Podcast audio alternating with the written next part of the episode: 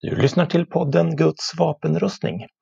Om något som inte syns, men som kan göra skillnad i livet. Nu en predikan av Sören Pärder, när vi är som mest sårbara.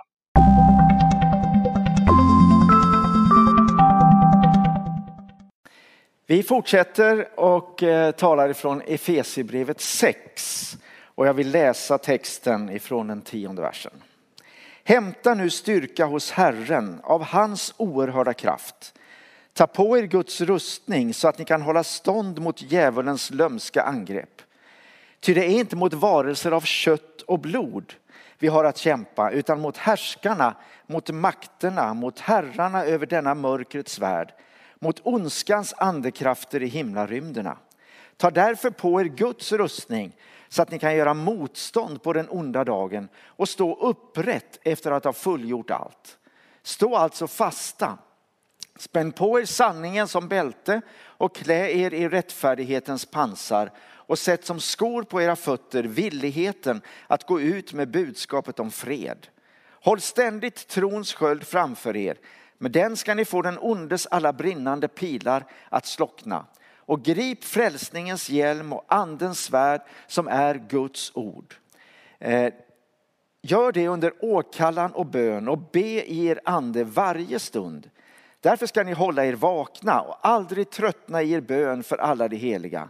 Be också för mig att orden läggs i min mun och att jag talar frimodigt när jag bär fram hemligheten i evangeliet vars sändebud jag är i min fångenskap. Be att jag förkunnar det så frimodigt som jag bör.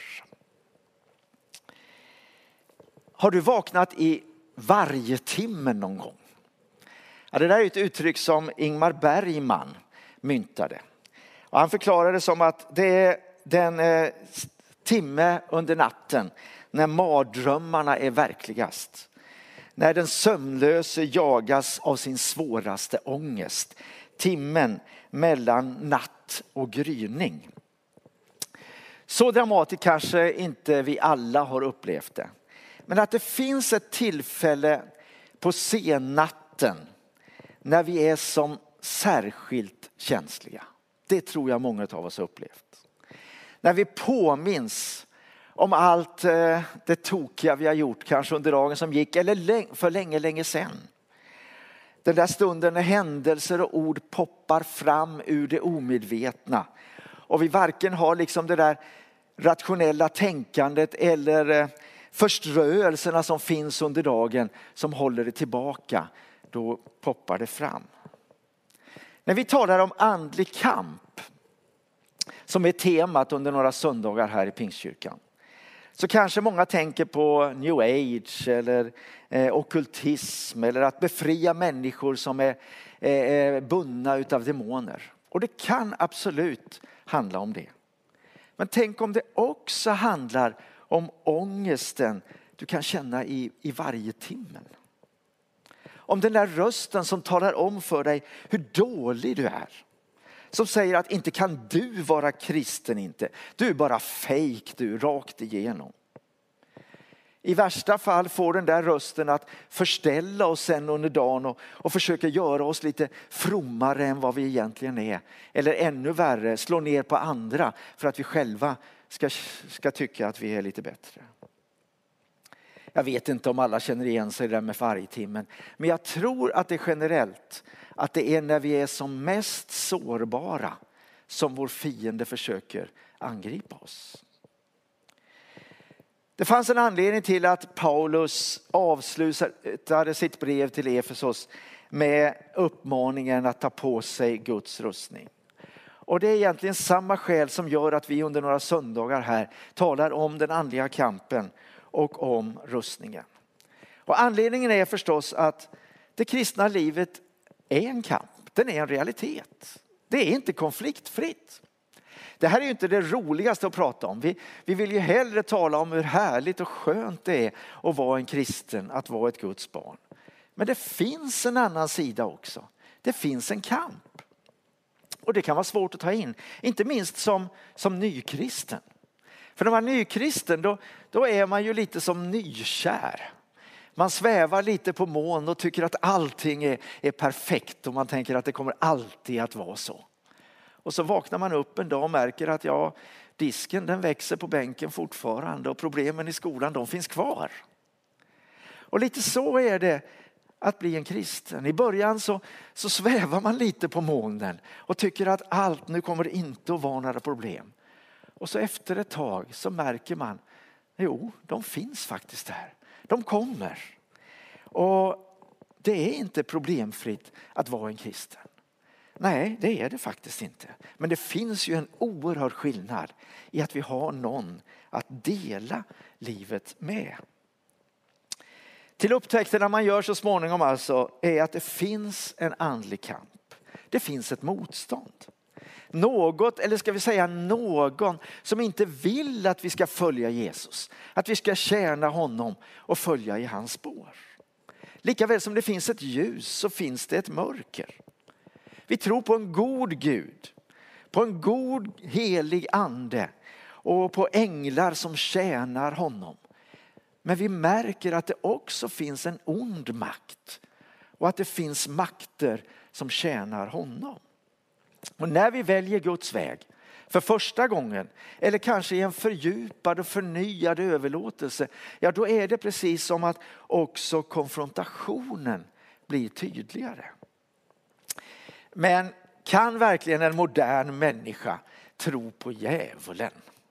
Är inte det ungefär som att tro på tomten? Ja, nu är det ju förstås så att lika lite som vi tror att Gud är en gammal farbror med långt skägg som sitter på något moln någonstans. Lika lite tror vi att djävulen är en liten gubbe med, med horn och, och bockfot. Men däremot att det finns en ond makt. Det har troende i alla tider varit medvetna om. C.S. Lewis Eh, som förutom Narnia-serien som många känner till har skrivit en hel rad böcker med kristen undervisning. Han eh, har sagt att det finns två diken när det gäller den onde. Det ena är att förneka att han finns och det andra är att ge honom alldeles för stor uppmärksamhet. Och så tillägger han, jag tror att den onde ler i mjugg åt båda delarna. Och hörni, är det inte så att om det inte finns en ond makt som är en realitet, då kommer allting det som sker ifrån Gud. Och då blir ju då blir Gud alltings källa och då blir gudsbilden demoniserad. Men vi tror inte att allt som sker är Guds goda vilja. Vi tror inte att han är orsaken till allt som händer. Utan vi tror att det finns en makt som står honom emot. Som är verklig. Inte på samma sätt som Gud, inte jämförbar med honom. Men som ändå ännu fortfarande har ett visst inflytande i den här världen. Och det är därför Paulus skriver, det är inte mot varelser av kött och blod vi har att kämpa, utan mot ondskans andekrafter i himlarymderna. Men det var inte bara för att vi skulle bli medvetna om detta som Paulus skriver. Utan det var också för att vi ska veta om att det finns någonting att stå emot detta. Men hörni, innan jag lämnar det här. Det är faktiskt så att det finns också en befrielse i att inse att det finns en ond makt. För då är det som Paulus säger, inte människor som är våra fiender. Och det är, väldigt, det är väldigt skönt att få se det. Även om människor kan göra oss illa så är det inte de som är våra fiender. Det finns en makt bakom. Och varför är de inte våra fiender? Jo, för att den troende tror att varje människa kan förändras. Att hon kan förvandlas, hon kan byta sida.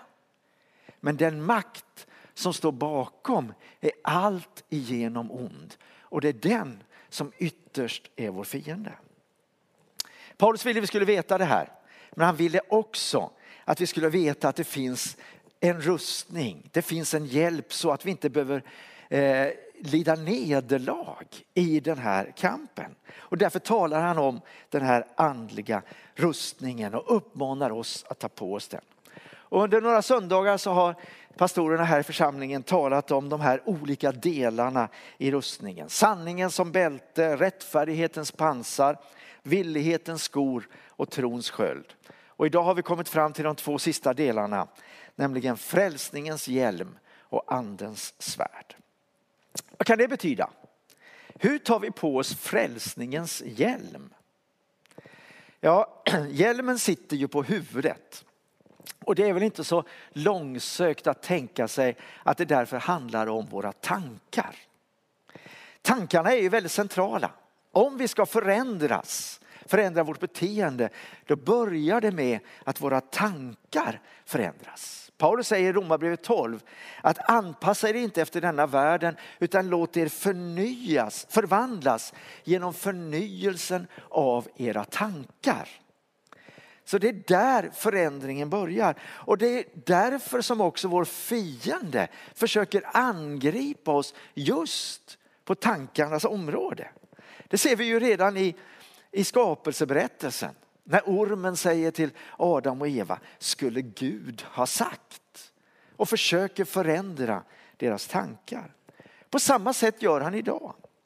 Han ifrågasätter det du har fått ifrån Gud. Om Guds ord säger, jag tackar dig för att jag är så underbart skapad. Underbara är dina verk, min själ vet det så väl. Det där som psalmisten ger uttryck för, det är en sann och sund biblisk självbild. En tacksamhet över att vara skapad sådan som jag är. Därför att Gud har gjort mig sån. Men då säger vår fiende, inte du inte. Du platsar inte. Du duger inte. Kanske just under varje timme. Jag såg en, jag tror det var en bokillustration en gång, en bild med en ung, liten, smal tjej som tittar sig i spegeln. Men i spegelbilden så syntes en ganska storvuxen, överviktig flicka. Det var så hon såg sig själv. Och precis så jobbar vår fiende att förvränga vår självbild. Inte bara när det gäller kroppen utan överhuvudtaget. Att vända vår självbild till någonting annat och försöker fylla oss med självförakt. Men det är inte Guds tankar. Det är fiendens tankar. Och på samma sätt överdriver han våra misstag. Det är en sak att ha ett känsligt samvete. En helt annan att anklaga sig själv och tro att det inte finns något gott i mig. Hur kunde du? Tänk vad alla tänker om dig nu. Vem har inte under den där stunden på natten ältat alla misstag vi har gjort, saker vi har sagt. Det kanske inte var så bra. Men vår fiende förstorar och gör det till någonting groteskt. Det där brukar vi kalla för falsk skuld. Den kommer inte från Gud. Den kommer från ett helt annat håll. Mest av allt tror jag att han inriktar sig på att ifrågasätta om vi verkligen är Guds barn. Inte kan väl du vara en riktig kristen, du som. Och så vill han få oss att tvivla på vår frälsning, på vårt barnaskap att vi är Guds barn. Vår fiende har, har flera namn i Bibeln. Paulus talar om ondskans andekrafter i himlarymderna. Bibeln talar om djävulen och om Satan. Och just namnet Satan betyder ordagrant åklagare eller anklagare. I Uppenbarelseboken kallas han våra bröders anklagare. Och det är ett väldigt passande namn. Han anklagar oss och förstorar våra misstag. Det är därför vi behöver frälsningens hjälm. Att ta på den betyder att ta på sig vissheten om att vi verkligen är Guds barn. Det är för att vi lyssnar till Guds tankar istället för, för tankarna från våra bröders anklagare. Guds tankar är, ty av nåd är ni frälsta inte av er själva. Guds gåva är det. Det beror inte på gärningar. Ingen ska kunna berömma sig. Det är Guds tankar. Eller som Vilma och de andra sjöng här. Eh, Gud är för mig, inte emot mig. Jag vet att jag är ett Guds barn. Och det är inte, det är inte överdrivet att säga så. Nej, det är en sund biblisk attityd. Vi kan faktiskt vara vissa om att vi är ett Guds barn. Vi får ta på oss frälsningens hjälm. En man som heter Charles Hodge har sagt att det som gör att den kristne kan hålla sitt huvud högt med trygghet och glädje är det faktum att han är frälst. Det är som sagt inte förmätet. Vi har Bibelns ord, att vi kan vila i det, att vi är ett Guds barn. Och så finns det en dimension av frälsningen som ligger framför också. Att vi ska bli slutfrälsta en dag. Vi får ta på oss frälsningens hjälm, vissheten om detta. Och när vi har den på oss, då behöver vi inte frukta ondskans andekrafter i himlarymderna. För jag vet att det är inte bara den nykristne som ibland tvivlar på det här. Jag har mött gamla, fina, genuina kristna som har varit troende i hela sitt liv och som ändå på ålderns höst får sådana där tvivelstankar. Är jag verkligen ett Guds barn? Är, är himlen för mig? Men Bibeln säger vi får ta på oss frälsningens hjälm och veta att vi är ett Guds barn. För det beror inte på gärningar utan på Guds nåd. Och då behöver vi inte frukta. Det finns en berättelse, jag vet faktiskt inte om det är en skröna eller om det är sant. Men det sägs att Martin Luther, reformatorn, en gång vaknade Eh, under natten och märkte, förstod att det fanns någon i rummet. Och så upptäckte han att det var djävulen som hade kommit på besök. Men då sägs det att han sa, jaså, är det bara du?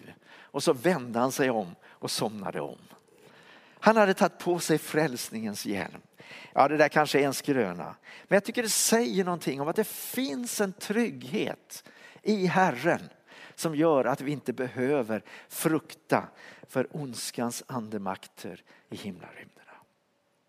Den sista delen av rustningen som Paulus tar upp är andens svärd som är Guds ord. De flesta delarna av rustningen är ju i första hand till försvar, defensiva. Trons sköld som står emot de brinnande pilarna till exempel. Men andens svärd är ju både defensivt och offensivt. Paulus talar i andra Korintierbrevet om sanningens ord och Guds kraft med rättfärdighetens vapen till anfall och försvar. Här ger Paulus en förklaring i Efesierbrevet. Andens svärd som är Guds ord. Det har med Guds ord att göra alltså. Guds ord är både det som kan skydda och som vi kan vinna seger med. Vi behöver alltså ett förråd av Guds ord. Vår främsta förebild är ju Jesus själv. Han använder Guds ord både till försvar och till anfall. Det märker vi när vi läser evangelierna. Det mest kända är ju när han blev frestad av djävulen i, i öknen. Han hade fastat i 40 dagar. Tre gånger blev han prövad. Och varje gång svarar han på samma sätt med att citera Guds ord. Djävulen sa, om du är Guds son så befall stenarna att bli bröd. Men Jesus svarar, det står skrivet, människan ska inte leva bara av bröd utan av allt det som utgår ur Guds mun. Djävulen säger, om du är Guds son så kasta dig ner. Eh, det står ju skrivet, han ska befalla sina änglar och de ska bära dig på sina händer så att du inte stöter din fot mot någon sten. Och Jesus svarar, det står också skrivet, du ska inte sätta Herren din Gud på prov. Djävulen säger, allt detta ska jag ge dig om du befaller, faller ner och tillber mig. Och Jesus svarar, gå din väg Satan. Det står ju skrivet, Herren din Gud ska du tillbe och endast honom ska du dyrka. Varje gång försvarar Jesus sig med skriften, med Guds ord. Och en liten detalj är att alla tre de här citaten faktiskt kommer från samma bibelbok, nämligen det vi kallar femte Mosebok. Ja, det är väl inte så konstigt att Jesus kunde skriften. Han var ju ändå Guds son. Ja, är det så säkert? Att Jesus verkligen kunde skriften med automatik? Nej, Bibeln säger att Jesus när han blev människa avstod från allt och antog en tjänares gestalt när han blev som en av oss.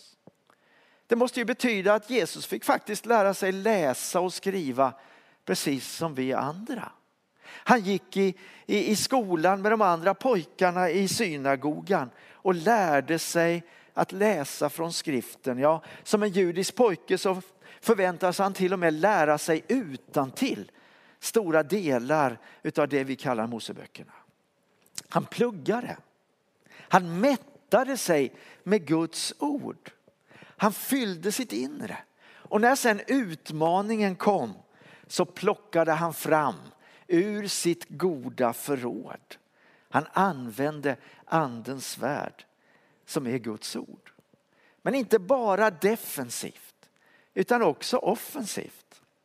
Häromdagen läste jag Matteus 22 och då såg jag flera exempel just på detta. Jesus angreps i Jerusalem av flera olika av grupperna som fanns bland judarna i Jerusalem. Först kom saddukeerna, de som förnekar uppståndelsen och kom med en klurig fråga om, om äktenskap och vem man skulle vara gift med i himlen om det nu finns en uppståndelse. Och Jesus säger till dem, ni förstår varken skriften eller vet något om Guds makt. Och så ger han ett citat. Gud säger, jag är Abrahams Gud, Isaks Gud och Jakobs Gud. Och så drar han slutsatsen, Gud är inte en Gud eh, för döda utan för levande. Alltså finns det en uppståndelse. Och sen kom fariseerna, den helt motsatta gruppen, Saddukeernas motståndare och frågade vilket som är det största budet i lagen. Och Jesus svarar omedelbart, du ska älska Herren din Gud av hela ditt hjärta, av hela din själ och med hela ditt förstånd. Men sen tar han ett steg till och så utmanar han fariseerna och säger, vad anser ni om Messias? Vems son är han? Davids, svarar de. Och då svarar Jesus, hur kan då David på andens ingivelse kalla honom herre och säga Herren sa till min herre, sätt dig på min högra sida så ska jag lägga dina fiender under dina fötter. Om nu David kallar honom herre, hur kan, då, hur kan han då vara Davids son? Och så liksom ställer han dem mot väggen. Och Mattias avslutar berättelsen. Ingen kunde svara honom. Och efter den dagen vågade ingen heller längre ställa frågor till honom. Jesus använde Guds ord, andens svärd, både till försvar och till anfall. Om han behövde det vapnet, ja då tror jag att du och jag behöver det också. Vi behöver fylla oss med Guds ord. Nej, jag menar inte att du ska lära dig Moseböckerna utan till. Men om du tar för vana att läsa Guds ord, att fylla ditt inre med det. Även om det inte känns så mycket varje gång du läser. Även om du torrläser så gör det någonting med dig. Och då och då kanske du stannar upp och så att säga idisslar. Mediterar över Guds ord. Det gör någonting med oss. Men hur ska vi använda Guds ord då? Ja, alla sätt är inte bra. Till och med djävulen citerade ju skriften. Men dels handlar det om att få redskap att stå emot prövningarna. Luther sa så här att samvetet behöver vara upplyst av Guds ord. Magkänslan är inte alltid tillräcklig. När våra bröders anklagare får oss att känna att vi inte duger, att vi räcker till som Guds barn, då får vi ta på oss frälsningens hjälm. Då får vi upplysa vårt samvete med Guds ord som säger att av nåd är ni frälsta, inte av gärningar. Guds gåva är det. När vi använder andens svärd till anfall så är det ännu viktigare att vi gör det på rätt sätt. Att vi inte slår någon i huvudet på ett okänsligt sätt. Men kanske delar ett ord i all ödmjukhet. Vet du om att Bibeln säger att Gud älskar hela världen? Det gäller dig också.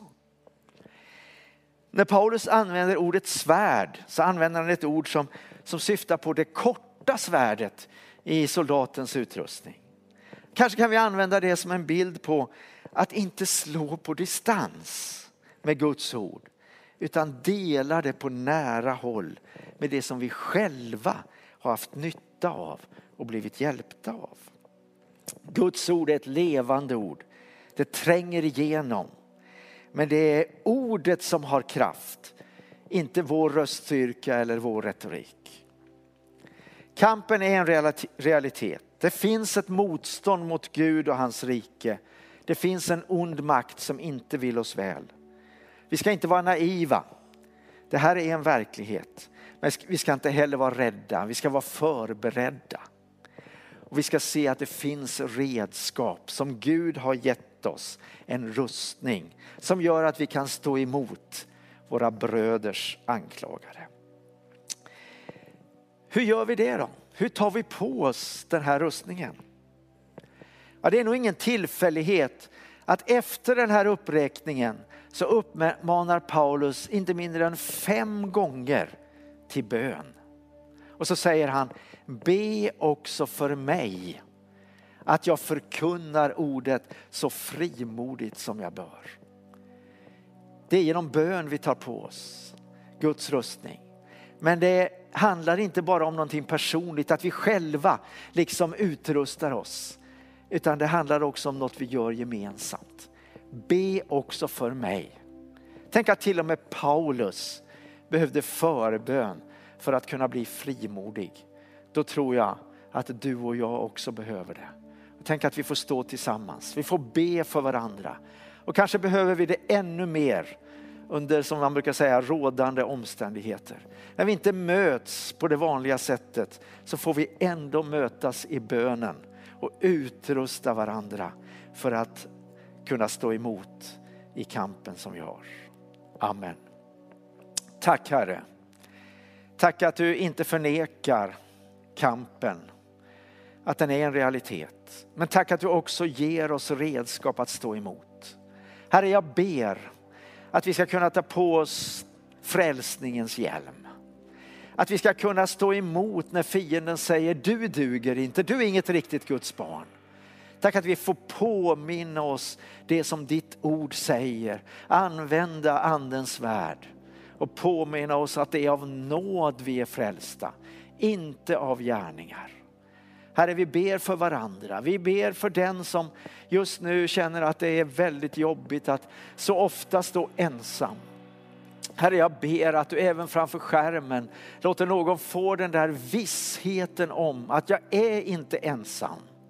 Först och främst har jag Guds ande i mitt hjärta, men jag är också en del utav en stor skara människor, av en stor Kristi kropp, av ett folk som tillhör Jesus Kristus och ber tillsammans. Amen.